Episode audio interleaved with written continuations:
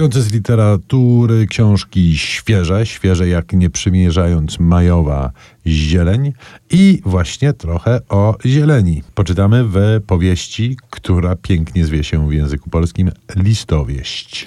Listowieść napisał Richard Powers, a Michał Kłobukowski, co już też powinno być dobrym sygnałem, że warto.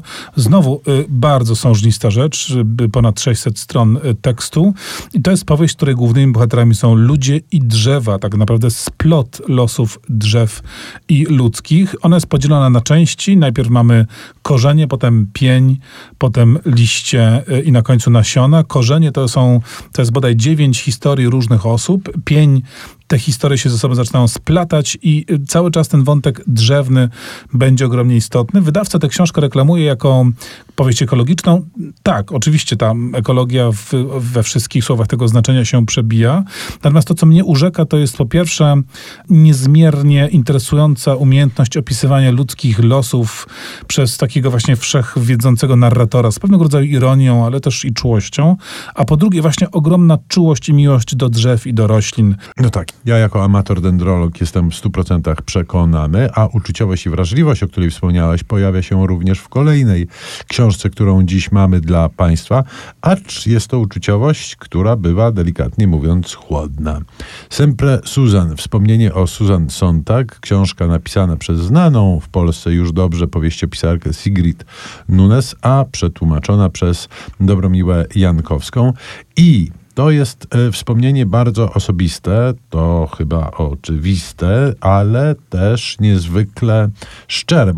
Sigrid Nunes najpierw była jej e, pracownicą, pełniła takie funkcje sekretarskie, przepisywała jej korespondencję. Później związała się z Davidem e, Riffem, a więc synem mm, Susan Zontak. No i e, Nunes, nie będąc rodziną, jednak e, funkcjonowała bardzo blisko kobiety, która była dla niej no trochę guru, co tu dużo mówić i udało jej się e, tą sontagowską codzienność e, pochwycić i na kartach swojej książki z nami nią podzielić. No i na koniec rzecz y, może nieco zaskakująca, y, zwłaszcza, że to ja ją proponuję. Rzecz nazywa się Modern Love. Y, Ty się zmieniasz oczywiście dość intensywnie, muszę. Zaraz się wytłumaczę z wszystkiego i zobaczysz, że jestem niezmienny jak, jako jakaś skała. Modern Love, tytuł firmuje to niejaki Daniel Jones, chociaż to jest tak naprawdę praca jak najbardziej zbiorowa przełożyła to na polski Magdalena Rychlik.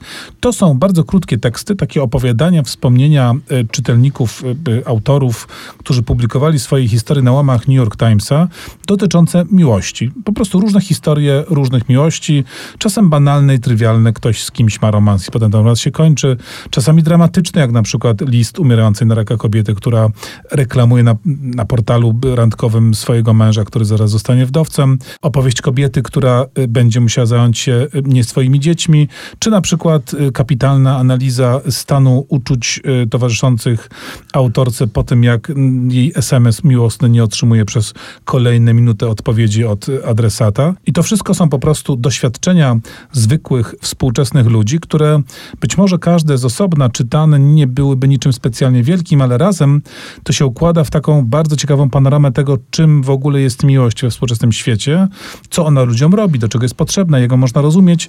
Robi się z tego taki trochę reportaż o uczuciowym świecie współczesnym. Ten reportaż o miłości domagałby się ilustracji muzycznej w postaci piosenki Davida Bowie o tym samym e, tytule, ale my właśnie przekornie zilustrujemy nie miłość, a drzewa. Za pomocą muzyki z jak najbardziej ekologicznego i prodendrologicznego filmu This is Our Planet, a muzykę tę skomponował Steven Price.